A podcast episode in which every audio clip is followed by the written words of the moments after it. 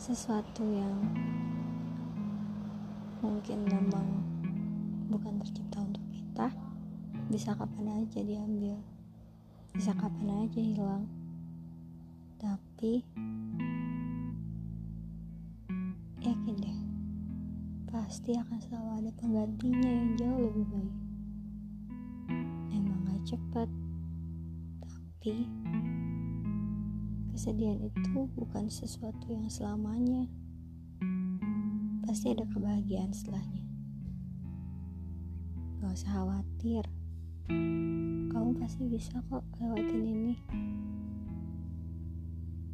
Dan jangan pernah nyerah untuk selalu berdoa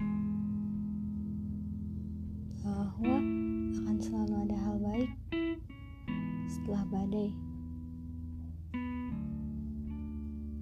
Aku yakin banyak di luar sana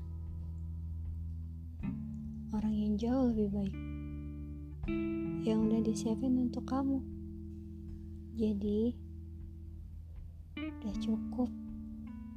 Sakit kan? Emang mau sakit terus? Ayo sembuh. Biar waktu yang menyembuhkan.